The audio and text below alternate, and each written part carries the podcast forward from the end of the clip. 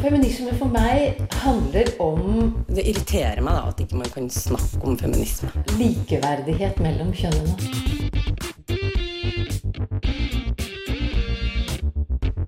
Det blikket på kvinnen på film. Det handlet om å bli tatt på alvor som jente. Du hører på Et eget rom på Radio Nova. 2018 har vært et år fylt med både oppturer, nedturer og ikke minst overraskelser for feminismen. Og i dag skal vi snakke om det som har engasjert oss mest.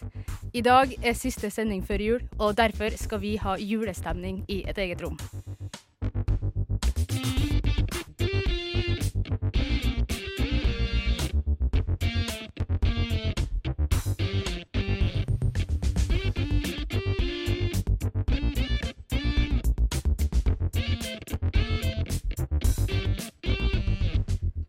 Ja, det er altså siste sending før jul her i et eget rom, og derfor er vi som tradisjon tro ekstra mange mennesker.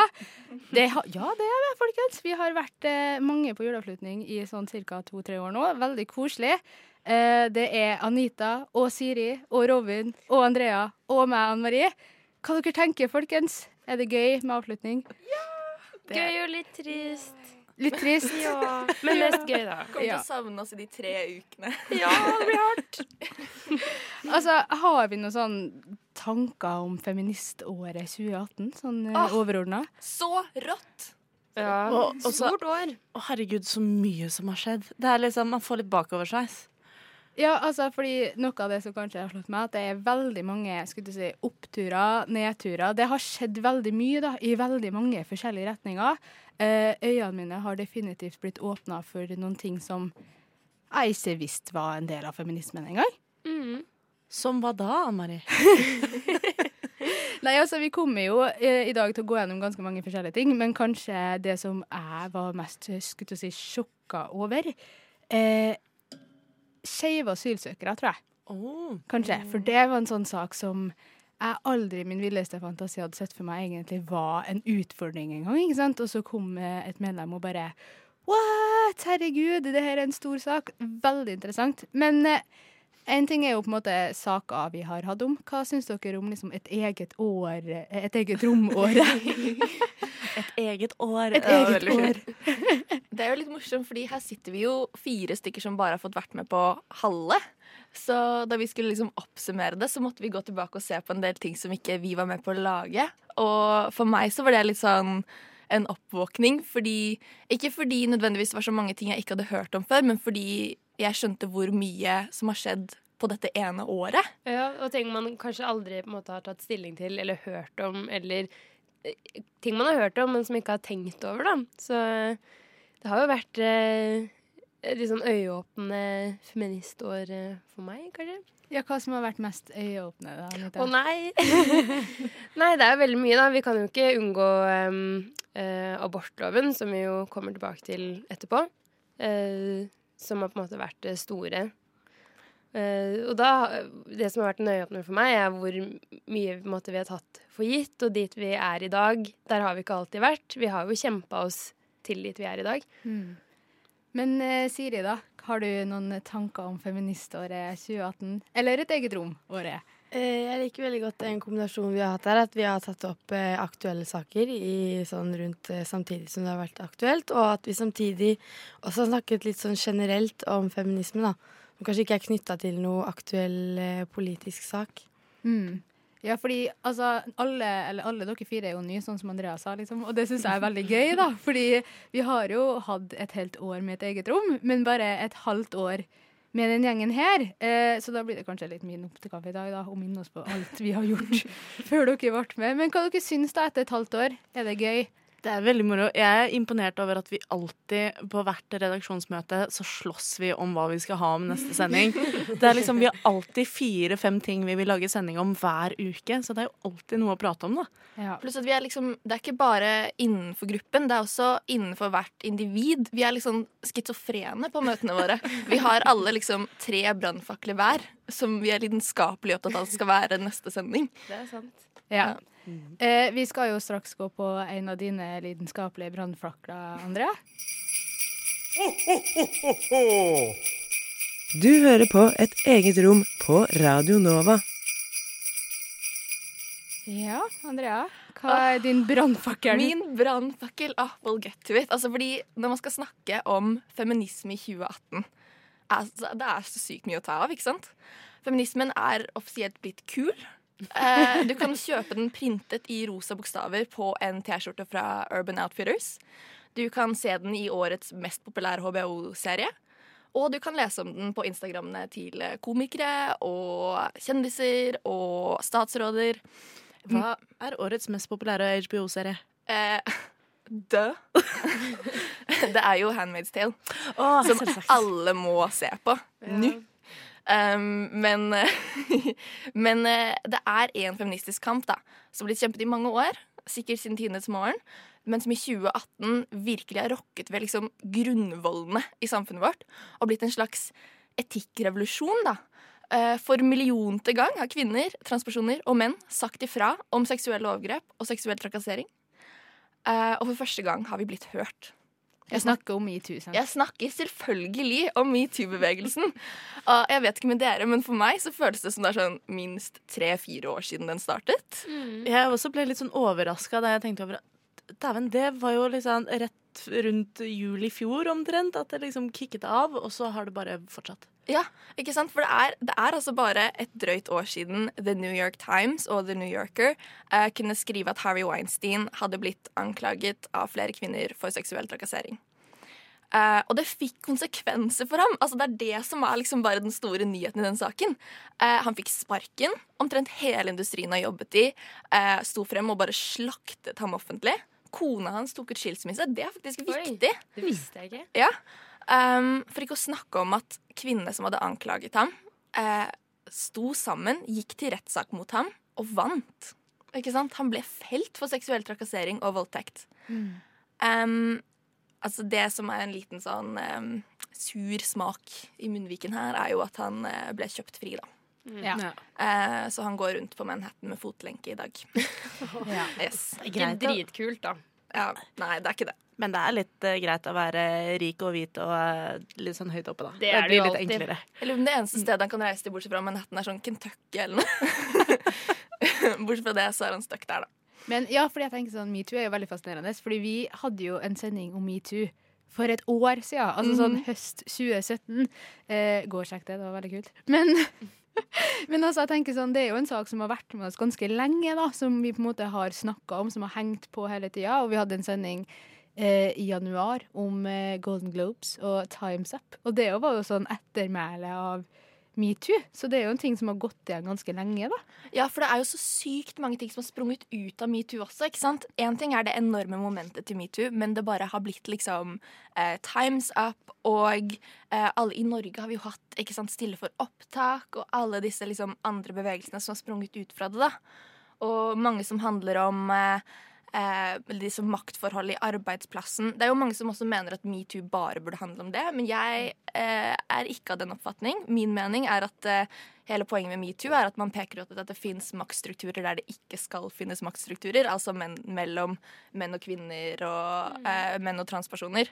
Så um, jeg tror at um, jeg tror at det er liksom Jeg vet ikke hva dere tenker om det?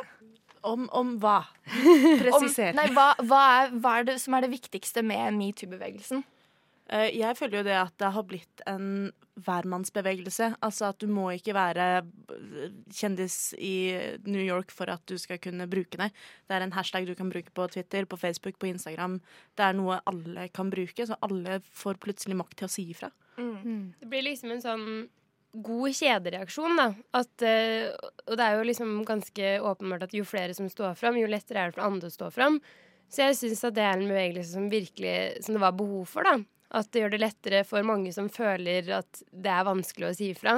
At det blir lettere å si ifra. At man ser Det er så mange ganger som jeg har følt på akkurat det samme som meg, og det gir deg jo styrken til å eh, det gir deg styrken til å si ifra og føle at du har en stemme, og at det er viktig da, når du ser at oi, shit, det her tas på alvor nå, folk blir hørt. Da må jo det gjelde meg også. Så jeg syns det har vært så fint. Og jeg tror veldig mange, sorry, mange av de tingene som har skjedd, da, blant annet med Harvey Weinstein og alle disse bevegelsene, det hadde ikke skjedd om det ikke hadde vært for den metoo-hashtagen som det begynte med. ikke sant? Fordi i oktober da, for litt over et år siden, um, da Weinstein ble anklaget, så tok Alyssa Milano til eh, Twitter og oppfordret alle kvinner som hadde opplevd seksuell trakassering eller overgrep, om å skrive hashtag metoo. sant? Eh, og den hashtagen det har vi jo funnet ut i ettertid, eh, ble egentlig opprettet av eh, Tarana Burke allerede i 26, 2016, skulle jeg til å si, men det ble 2006, heter det. um, men det var jo åpenbart at det ga gjenklang hos folk, ikke sant? Fordi i løpet av de første 24 timene, skal vi se på tallene mine her, Burke hadde fått en halv million svar på 24 timer. Og så et år senere da, altså nå i oktober, 19 millioner. Ja. Og det er bare på Twitter, liksom. Jeg skrev det på Facebook, jeg vet ikke med dere, men også... ja, men det er ganske sykt, altså.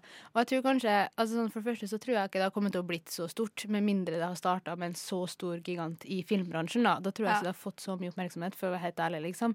Men det fine med metoo er jo det der at du ser den der hvordan det har spredd seg til så mange land, da, og til så mange bransjer, ikke minst. Altså, det har jo gått utover filmbransjen. Du har jo hatt det i teater, du har hatt det i musikk, du har hatt det i ja, selvfølgelig journalistikk, da, som kanskje er den bransjen der det var størst her i Norge. Vil du si det? Jeg tror, jeg tror Stille for opptak var større. Ja. Jeg vet ikke. Det var jo liksom et slags sånn moment som handlet om det teatralske også, føler jeg. Hvor eh, disse skuespillerne gikk ut og liksom leste opp hverandres historier og fikk frem Liksom fikk fortalt historiene veldig, veldig godt, da. Det skal jo også nevnes at Politikk-Norge er jo også blitt sterkt rammet av metoo. Ja. Ja, herregud. Ja, det er faktisk sant. Ja. Å, Ja. fy søren. Ja, for jeg husker, om kan det ha vært i starten av dette året her, at det kom fram det med Trond Giske i, i Ap. Og da Dette var jo mens metoo-saken var veldig fokus på, da. Så Mm. Og det som metoo viser, er jo at det er masse masse ting som folk har vært sånn helt sånn OK med. At til og med andre kvinner har liksom eh, hjulpet kvinner med å dysse det ned. Da Si sånn Ja, han er litt sånn sketchy, hold deg unna ham. Mm. Istedenfor å stå sammen og bare bam! Si det til verden, liksom. Mm. Men det er jo det metoo har gjort. ikke sant? At det har gjort det innafor å si fra uansett hvilken bransje du er, og at det har ikke trengt å vært så alvorlig som en voldtekt. på en måte. Du kunne ha sagt fra om seksuell trakassering, ikke minst. da, Og jeg tror det har gitt liksom et skikkelig røska opp i bransjer og på arbeidsplasser, og laga skikkelig klare linjer for hva som er greit, og hva som ikke er greit. Ja, Mm. Så derfor, vi er glad for metoo. Det er vi. Ja. Metoo. Eh, vi skal straks over på neste sak. Det er Siri sin, det, som har en veldig aktuell sak. Men før det så skal vi høre litt musikk fra en bergensduo som heter The Other End. Og de har laga en sang som heter Sleepwalking. I feel like I'm choking just from being here. I don't want to know.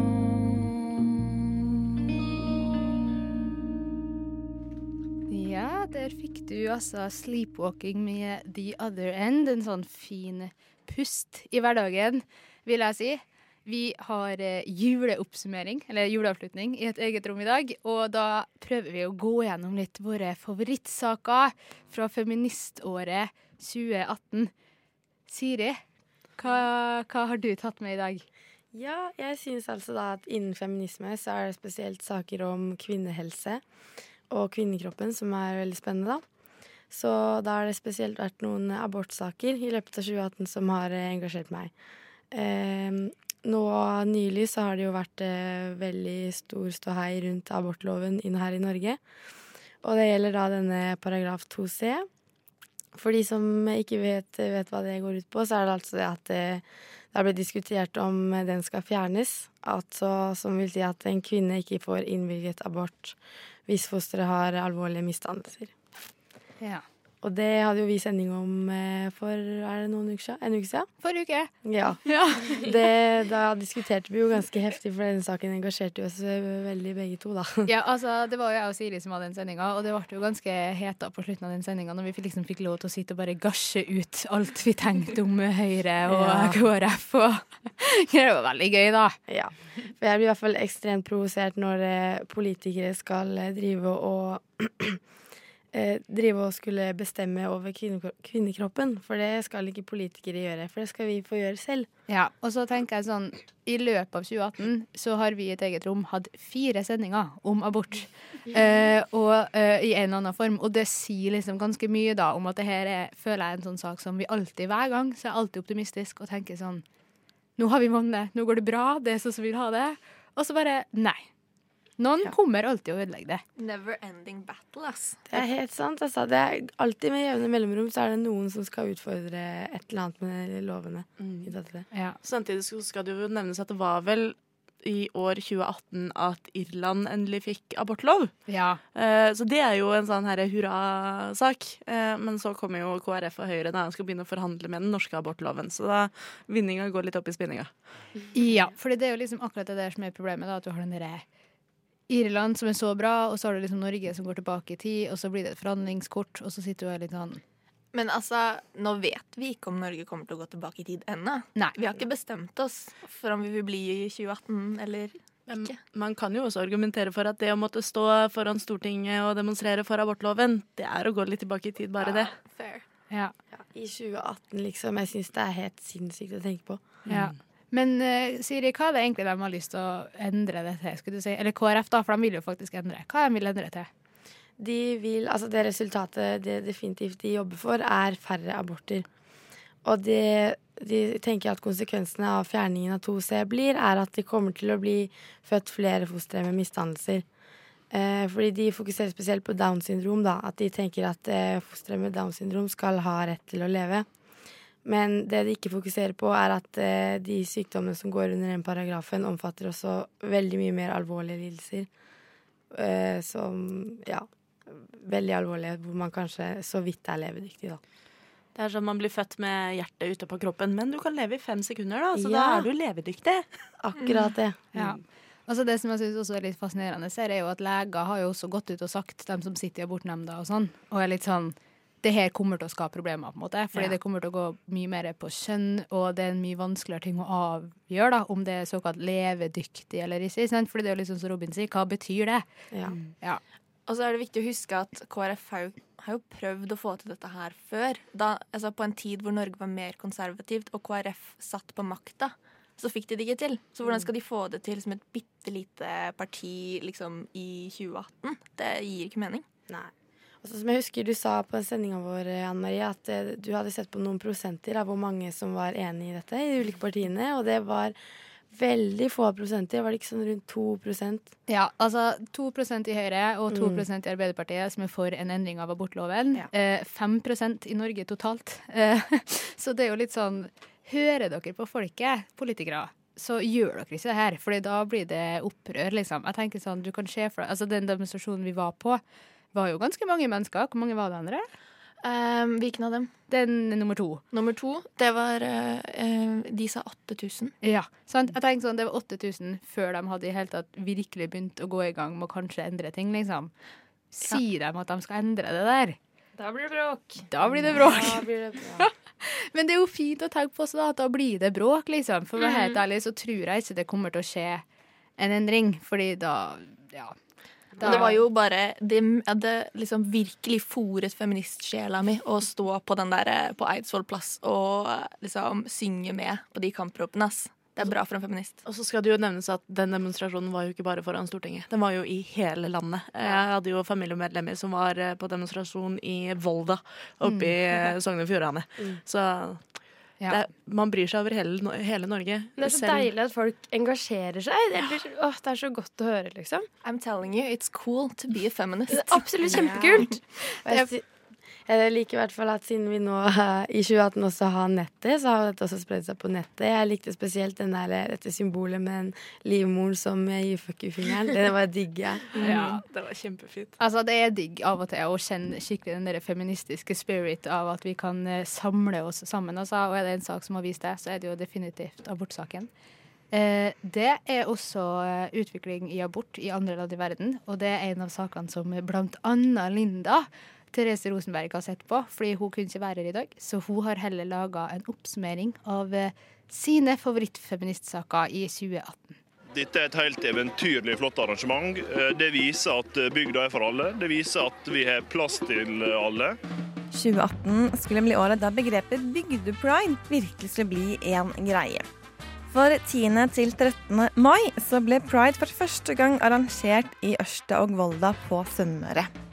Slagordet for festivalen det var 'Pride er best på bygda', og ble valgt for å vise at det er fullt mulig å være skeiv også i Bygde-Norge.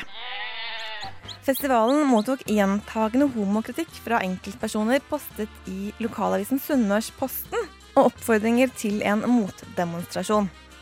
Likevel så ble det så mange som 50 påmeldte lag og organisasjoner til selve paraden.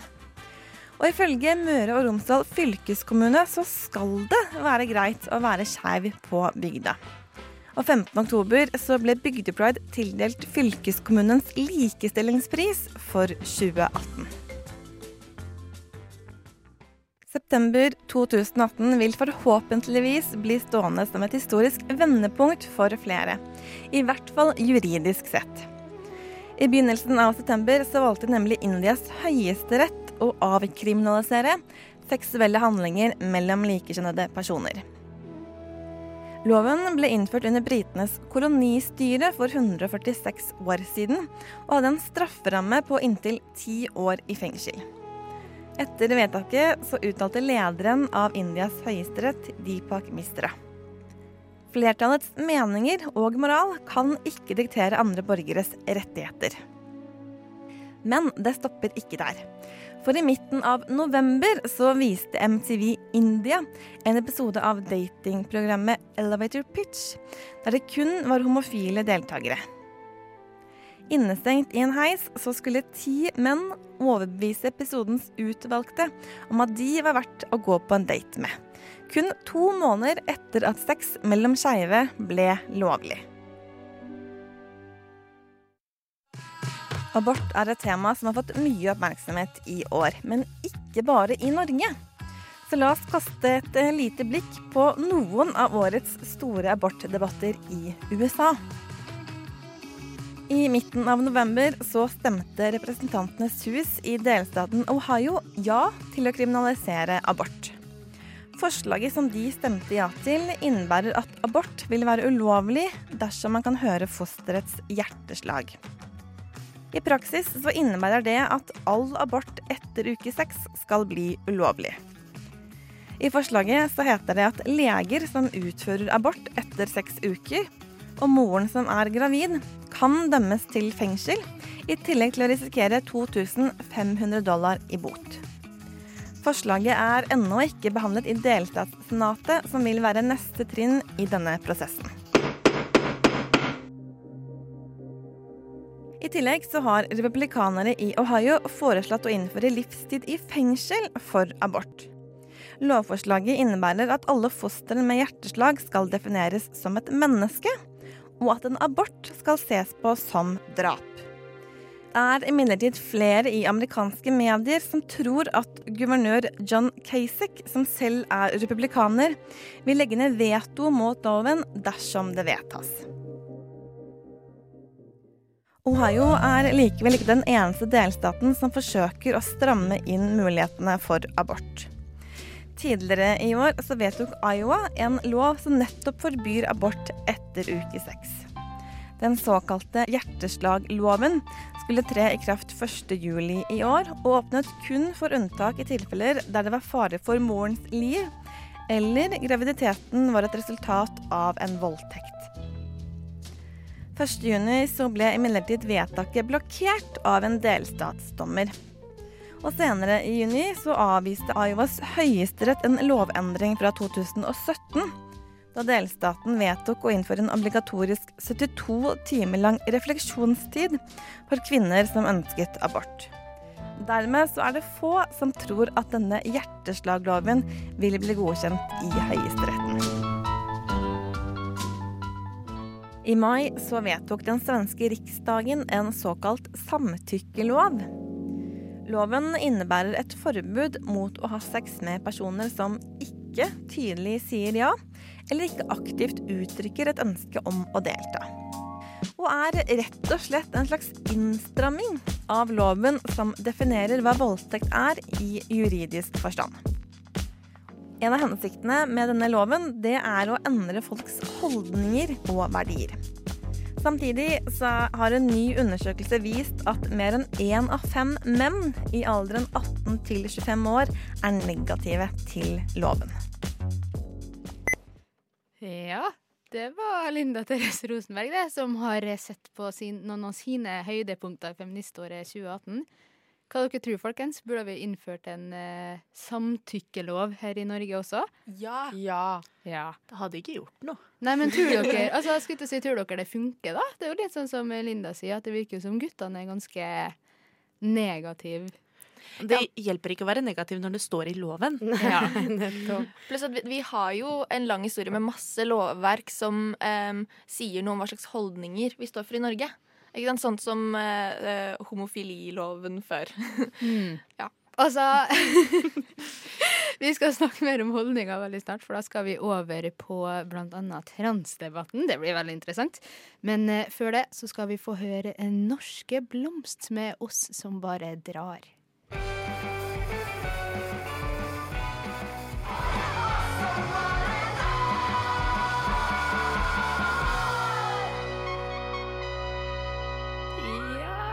Altså Norske blomst med oss som bare drar her, som vi snakka om i pausa. Kanskje en av eh, et eget roms favorittlåter av eh, 2018. Vi satt og fangirla over blomst. Ja.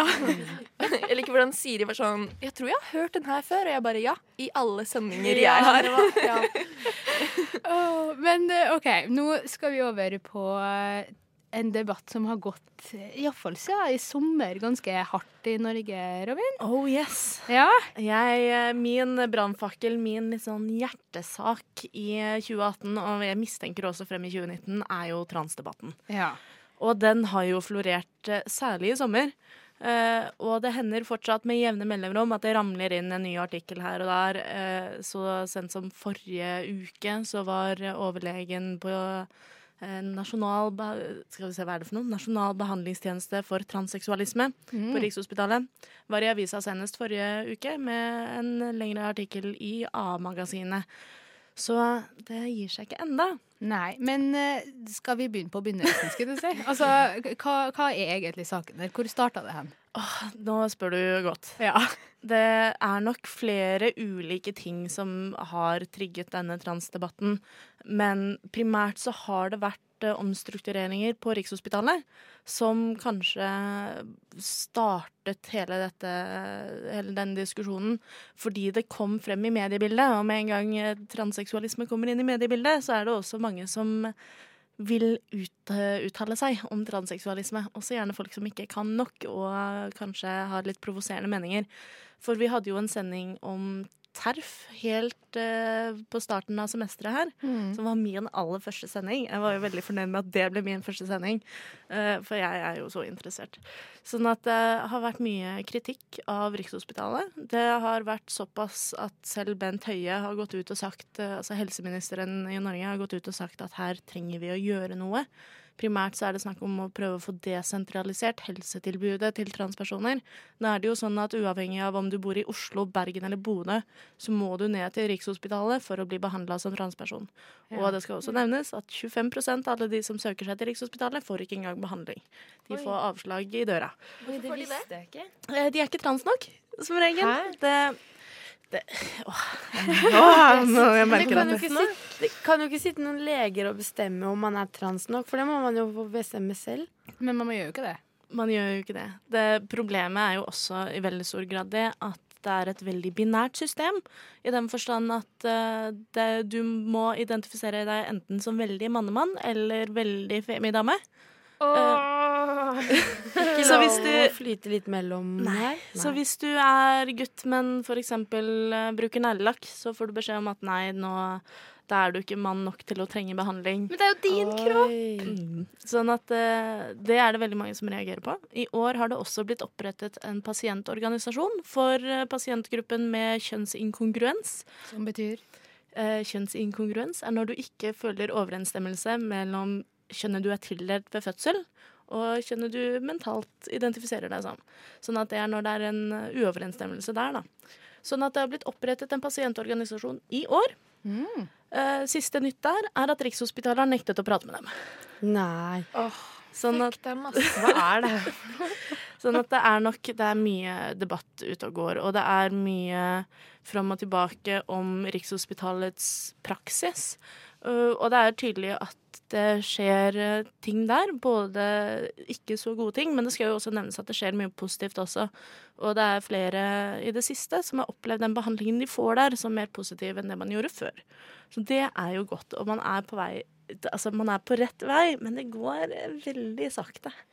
Ja, men altså, skjedde det ikke noe mer enn noe sånn saksøking i høst? Jo. Jeg føler du har snakka om det òg. Jo, det har vært en sending jeg har uh, hatt veldig lyst til å ha, og som jeg også kommer til å kjempe for å få på lufta etter jul. Det var en transmann som i år har gått uh, aktivt inn og saksøkt staten for erstatning. Før i Norge så var det jo slik at for å endre juridisk kjønnsmarkør, så måtte du kastreres. Det er så drøyt. Og det høres jo veldig drøyt ut, og det er jo også ufattelig gammeldags og litt sånn archaic, som, som det heter på engelsk. Eh, Men det betydde vel egentlig bare det at for å endre kjønnsmarkør, så måtte du også endre eh, altså, genitalia, da. At eh, hvis du var født i en kvinnekropp, men identifiserte deg som mann, så måtte du fjerne livmor. Og hvis du var født i en mannekropp og identifiserte deg som kvinne, så måtte du fjerne testikler og penis. Og først da fikk du endre kjønnsmarkør. Mens nå i Norge fra og med 2016 så trenger du ikke gå gjennom kjønnskorrigerende behandling eller kjønnsbekreftende behandling for å endre kjønnsmarkør. Og i år, eller i fjor, det er jeg ikke helt sikker på, så fikk de gjennomslag i Sverige for at alle transpersoner som hadde blitt kastrert for å kunne endre kjønnsmarkør, fikk erstatning i Sverige. Sånn at det er det vi prøver å få til i Norge også. Det er en transmann som har uh, tatt på seg det ansvaret. Uh, han heter vel Tobias Rønningen, om jeg ikke tar helt feil.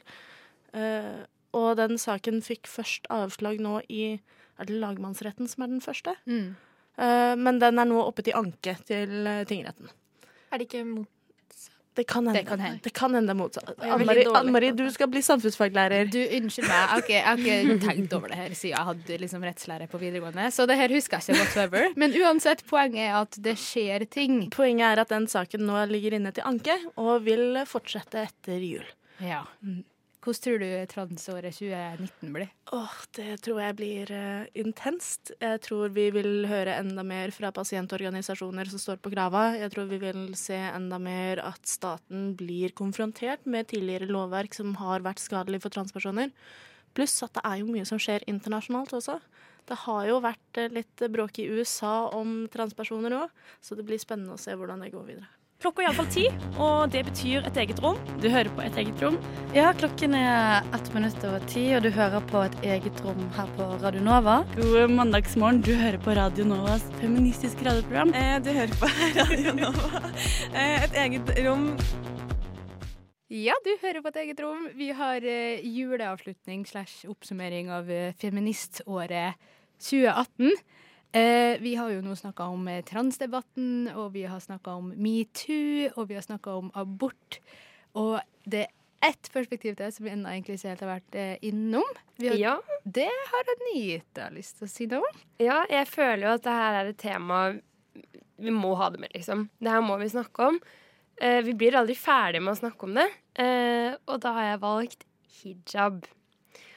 Og jeg blir helt sånn Hvor skal jeg begynne? Det er jo så mange måte, debatter innenfor det her. Det er jo det feministiske perspektivet og så mye. Og jeg syns det er et tema som er litt, kanskje litt sånn vanskelig fordi det er så sensitivt. Fordi det er så tett knytta til identitet og religion.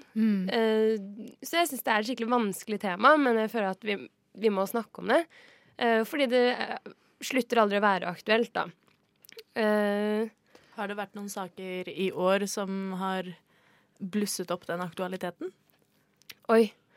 Shit, nå må jeg inn i tenkeboksen. Nå fikk jeg litt sånn jernteppe. Eh, Det er et litt sånn ledende spørsmål, for jeg tror jeg selv tenker på den saken i Danmark om Det var om nikab.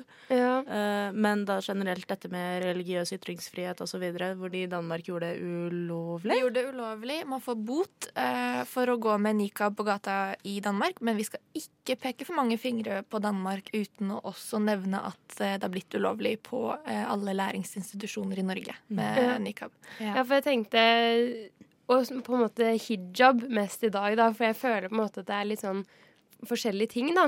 Eh, Det med nikab, som er det at man dekker hele seg, unntatt en sånn liten åpning ved øynene, da. Så hijab er det der man dekker hår og liksom ned til skuldrene, da. Så jeg tenkte å snakke om at vi kunne snakke om hijaben i dag, da. Eh, Jeg synes det er veldig morsomt med hijab, faktisk. Jeg har et veldig godt eksempel fra i går, da jeg Ja. satt på lesesalen. Så at jeg overfor en jente som hadde sånn ehm, liksom nikab, eh, og jeg vet ikke hva det heter, jeg, men sånn Som burka, hele, hele, liksom? Ja. Mhm. Hele kroppen, liksom. Dekket, svart og liksom rundt ansiktet. Men det var ikke nikab, det var jo hijab. Mm. Altså sånn ansiktet hennes syntes. Um, og jeg hadde så god blikkontakt med henne. Det var en sånn liten gutt som løp rundt på lesesalen. Ingen visste hvorfor han var der, og vi bare satt og lo og pratet. Og jeg bare Hva er dette argumentet med at man ikke får kontakt og ikke kan identifisere seg med folk med hijab? Det gir jo Ja. ingen mening. Nei, eh, det er jo veldig Det er mange provoserende meninger, og grunnen til at jeg syns det her er så viktig, og at det blir en sånn liten hjertesak for meg, er at jeg er så lei av at det har blitt en sånn vi og dem-mentalitet. Jeg syns det er en skikkelig sånn stygg ting som jeg syns er superprovoserende. At det er liksom Når det er den feministiske debatten om hijab, så må vi prate med kvinner med hijab, og ikke om eller til. Jeg syns på en måte det er så provoserende, og derfor syns jeg det er viktig. Og en annen grunn til at jeg syns det her er et vanskelig tema, er fordi jeg kan forstå eh, argumentene med at det på en måte Jeg syns det bør være lov å stille kritiske spørsmål. Eh, men jeg syns selv om man ikke liker det eller forstår det eller nødvendigvis er enig, så må vi respektere det. Uansett. Vi må på en måte ta for oss dette temaet med respekt. Og eh, jeg skjønner på en måte ikke helt sånn Jeg syns det er vanskelig på en måte å finne ut hvor vi vil med denne debatten. Og jeg føler også at det er jo det med det Jeg hørte jo på den sendinga dere hadde om hijab. Og da prata dere om det med frihet eh, til og frihet fra, som jeg syns var et veldig godt poeng. For jeg syns denne debatten ofte blir veldig sånn generalisert, da. Og yes, det er jo så mye forskjeller, liksom. Vi kan ikke det er, ikke- det er ikke et tema der vi kan dra alle under en kam. Liksom å snakke om en millioner av mennesker og si at ja, men alle er like, for de går med hijab. Ja, det, altså, herregud. Jeg kjenner at det blir sånn Og så skal liksom vi hvite heltene fra Norge komme og redde disse stakkars små hijabiene. Og jeg, da Som tenk- ikke forstår, liksom. Ja, ja, ja. Og det er også veldig, veldig spennende, fordi i feminisme generelt så er det jo hvite cis-kvinner som dominerer eh, debatten. Og det er så viktig å slippe til stemmer som ikke ser ut som oss, helt sånn fysisk. Mm. Men jeg tror liksom også det som gjør denne debatten her litt vanskelig, da, er jo akkurat litt som det du er inne på, at det handler jo på en måte om religionsfrihet. Og religion i seg sjøl er jo et tema som er veldig vanskelig, altså både innenfor og utenfor feminismen, fordi du kan jo aldri bevise noe. Det er en subjektiv opplevelse, og det er et subjektivt valg som ingen egentlig kan si at er liksom vitenskapelig korrekt, eller Ja. Altså, du kan ikke gjøre det, da. Du må bare holde den tanken om at frihet er det som skal på en måte bestemme, da. Og da tenker jeg da er det jo litt problematisk at man har en sånn tanke om at staten skal gå inn og bestemme noe. Ja, og så er det jo liksom Man kan stille kritiske spørsmål, som jeg sa i stad, og mene at kanskje en del av det er eh, ikke så veldig feministisk, og stille spørsmål til det og ha en debatt rundt det. Men er det noe jeg beundrer, så er det kvinner som står i stormen. Og kvinner som bærer hijab, blir møtt med så mange fordommer og trakassering som andre ikke kan forstå. Og jeg syns det er så beundringsverdig da, med kvinner som liksom får all den dritten mot seg, men som står på sitt og er stolt i tillegg, og som bærer denne hijaben med stolthet. Jeg syns det er dritkult. Mm. Ja, det er veldig kult. Helt enig, altså. Oh, vi skal ha litt mer musikk, folkens. Og en Ja. fin måte å eh, avslutte før pausa. Ja. Eh, vi skal før få høre On My Block av eh, Danger Incorporated.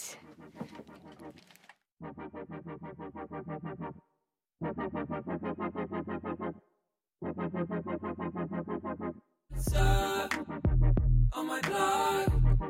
If you got the gas, stop on my block. If the streets get hot. Altså en skikkelig funky sang der, altså, med On My Block av eh, Danger Incorporated. Den merker jeg at jeg skal legge i spillelista mi med en gang, faktisk. Den Ja, var den skikkelig funky. Ja, sant? Det er en skikkelig sånn behagelig sang å ha i bakgrunnen, som funker veldig bra til rydding av erfaring. Men uh, nå har jo eh, vi hatt veldig mange forskjellige saker, så nå er det min tur. Ja. Uh, og når jeg liksom satt og skulle tenke litt over hva saker jeg hadde lyst til å snakke om, så var jeg litt sånn, vet du hva, jeg tror jeg skal ta dem som overraska meg mest. Eller som jeg var sånn minst forberedt på at det var en greie, da. Og jeg har jo allerede nevnt eh, tidligere at en av dem er jo definitivt eh, skeive asylsøkere. Det hadde vi sending om i vår. Eh, en gruppe mennesker som jeg egentlig helt ærlig ikke hadde tenkt over at trengte en plass i feminismen. Da. Mm. det, fordi da hadde vi jo besøk av eh, eh, Susanne de Mo Øvergård, eh, som er leder i Skeiv verden. Og hun snakka om det at når man har med på en måte mennesker som er skeive og asylsøker, så får du det spenningspunktet mellom eh, religion og legning. da. Og at det er skikkelig problematisk, spesielt når det har med familie å gjøre. Fordi for eksempel, hvis du prøver å hjelpe dem i skolen, så er det det samme som å oute dem til foreldre. Og det, det er en sånn problemstilling som jeg aldri har tenkt over. Og det er litt sånn wow. Ja, wow er ordet. Ja, det er virkelig ordet. Altså, det er én ting, og så er det også det med sånn skeive på asylmottak. Ikke sant? Altså sånn, herregud, se for deg å være i et, Se for deg hvis du er en skeiv mann, å være i det miljøet med så mye testosteron som flyr, og usikkerhet og Ja. Jeg ser, for, jeg ser for meg at det er vanskelig på en måte som asylsøker i Norge å leve litt sånn midt imellom to verdener. Og ha så mye liksom som du er usikker på, og noe som kan være utfordrende. Det blir så mange sånn ting som spiller inn, da. Og at det må være så vanskelig å på en måte være midt imellom den tilhørigheten din til eh, den kulturen du kommer fra, og så ser du liksom Her kan alle være den de vil. Det må være vanskelig. Ja, og så er det jo noe med det at eh, hvordan, når man søker om å få asyl, da, skal man bevise at man er skeiv? Ja.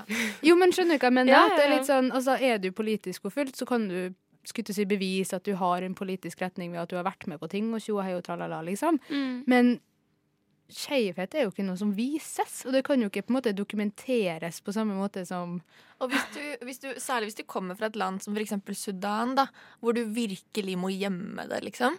Og så, Det er grunnen til at du drar, fordi du må gjemme det i Sudan. Men så kommer du til Norge, og så skal du bevise at du har vært skeiv i Sudan, hvor du har gått og gjemt det. Det er jo bare sånn, det er jo en umulig situasjon. Mm. så og så er det jo også Vi må også nevne at um, særlig USA har jo strammet veldig inn på hvor, i hvilken grad de gir asyl til Mm. skeive folk. Også, det er jo ikke eksplisitt dekket av flyktningkonvensjonen, dette med opphold til skeive folk. Så det er jo vært oppe til debatt nå plutselig hvorvidt det er godt nok grunnlag i det hele tatt. Mm. Ja, altså, det er jo akkurat det der. Og så Det her blir jo en helt forferdelig Segway, da. Men en annen sak som, som også har liksom, var litt sånn fascinerende for meg i år, da. Eh, vi hadde en sending om eh, incels. Og det var sånn Fy F, liksom. Vi lever i 2018, og det fins mennesker som helt oppriktig Incel er jo involuntary celibate, da. Og da er det sånn, det fins mennesker, menn, hvis vi skal være ærlige, som eh, tror at av at samfunnet er strukturert sånn som det er strukturert, så får de ikke sex av damer. Men jeg tror det er veldig interessant og også viktig å tenke på det i relasjon til hvilken tid vi befinner oss i. For vi har jo snakket om metoo, eksempel, som ble kjempestort av at man kan spre det over internett. Og det samme gjelder mobilisering av feminister rundt abortloven. var jo også liksom Facebook-arrangement og mye samtaler og sånn. Og jeg tror det er akkurat det samme med incels også, at det er liksom the downside av at vi har et såpass internettbasert samfunn, da. At det plutselig så folk som tidligere følte seg alene og ikke kunne mobilisere seg på godt og vondt, nå kan det. Og enten om det er feminister som gjør det for en god sak, eller incels som rotter seg sammen og blir enige om at her er det kvinner som er, er de skyldige. Ja, ja, ikke sant? For det starta jo definitivt på internett. Jeg husker når vi skulle ha den sendinga, så var jeg masse på incel.me. En helt forferdelig plass å være. Eh, men altså, der har det, det er jo det er helt krise, liksom. Og, og det har jo fortsatt. Og dessverre så har det jo I enkelttilfeller, må vi si, da. Det er jo absolutt ikke alle incels som bruker vold. Men det har jo i enkelttilfeller også ført til at noen har valgt å ta livet av damer. For å på en måte vise hvor, hvor viktig det her er for dem, da. Ikke sant? Og, og jeg føler det har på en måte hengt igjen og kanskje fått litt lite plass i slutten av 2018. fordi nå har vi jo sånne mennesker som liksom Jordan Peterson og sånn, ikke sant, som snakker om mange av den, masse av den samme filosofien, da, uten at han oppfordrer til det er liksom vold og sånn, det er ikke det jeg sier. Men han snakker jo ganske masse om det at det er biologiske forskjeller mellom menn, og kvinner, og menn og kvinner. Og, og at det faktisk er avgjørende. Så han har jo blant annet sagt at når du senker på en måte de sosiale forskjellene, da, kulturelle forskjellene i et land, så øker de biologiske forskjellene, på en måte. Altså sånne ting, da. Så han mener jo at f.eks. et land som Norge eh, kommer til å ha større forskjeller mellom menn og kvinner fordi vi har mindre kulturelle forskjeller. Liksom. Og dette har han masse biologisk bevis for, går jeg ut fra? Ja, altså jeg har ikke helt sjekka før, ærlig, men jeg har bare valgt å si at det, det her er tull. Ja, men da er det jo også veldig interessant å se på det faktum at incel-bevegelsen ble jo startet av en dame. Ja. Det starta som en bra ting for å inkludere alle som dessverre ikke får ha sex med folk, liksom. Jeg vet ikke om det er en bra ting, jeg, uansett om du er mann eller dame. Det å starte et miljø rundt det at nei, det er ingen som vil ha sex med meg. Nå er det synd på meg. Ja. Det er sånn, eh, kanskje ta, være litt greiere, da. Ja, det kan hende at det er det som hjelper, altså. Ja, ja. Nei, det er iallfall farlige bølger ute og går eh, i verden. Du hører på Et eget rom på Radio Nova. Rocking around the Christmas tree at the Christmas party hop. Åh, jeg syns vi skal ha julejingler året rundt. Ja, skulle hvis jeg hadde det, mon tro? Tekniker Hellige rister oppgitt på hodet her og syns ikke det var en god idé. Altså, jeg tenker Når vi først altså, har dem, så må vi jo kunne bruke dem. Og er det Ja, dag vi ja, ja. kan bruke dem, så er det jo i dag.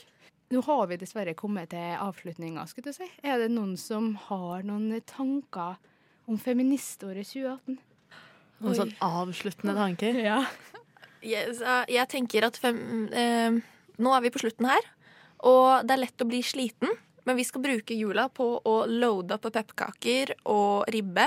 Og så skal vi tilbake igjen i gatene i 2019 og være like sinte. Og særlig på vegne av de som er mindre privilegerte enn oss, cis-kvinnene, ut på gatene og slåss for transrettigheter. Hvite kvinner, ut og snakke om hijab. Altså, dette her må til. Jo, jeg tror spesielt at denne metoo-saken i starten Den har fått på en måte opplyst folk. Så vi har kanskje fått med oss flere. Ja, jeg ble helt paff etter det du sa, Robin, om eh, at 25% av transmennesker ikke får behandling. Jeg sitter med en helt sånn uh, Sånn trist følelse inni meg nå. Det her var jeg ikke klar over, og det bare gjorde meg skikkelig trist. Ja, nei, ikke jeg heller. Jeg trodde at det på en måte Jeg hadde har jo ikke satt i meg så mye i den saken, men jeg trodde det på en måte var et valg. Og så kunne du gå til eh, sykehuset og fortelle om dette valget du har tatt, liksom. Det kjennes sykt urettferdig. Og jeg merker at dette skal vi så veldig ha en sending om etter jul. Å, jeg gleder meg! Ja. Jeg er Men, klar. Ja, sant. Apropos sending til etter jul. Hva ser vi fram til i feministåret 2019? Å, vi har mye å snakke om. Å, vi har så mye å snakke om. Altså, where to begin even. Vi skal snakke om alt fra det trivielle. Vi skal snakke om sikkert sminke og Kardashians og alt mulig sånn. Og vi skal snakke om transrettigheter og de internasjonale spørsmålene. Everything. Everything. Det er jo litt gøy, da. Man vet jo egentlig aldri helt hvilke eh, overraskelser som eh, kommer. Så vi må nesten bare vente og se, tror jeg. Ja. Eh, vi har vært veldig mange mennesker i studio i dag. det har vært Andrea Berg og Robin Frøyen og Siri Salsten og Anita Kristiansen og Linda Therese Rosenberg har eh, hjulpet oss med sin oppsummering av feministåret 2018. Teknikeren vår har alltid vært den fantastiske Hellige Svensson. Eh, jeg heter Ann Marie Sundet. God jul! God jul! På veien med deg ut så skal du få eh, Mia Berg med 'Hurry'.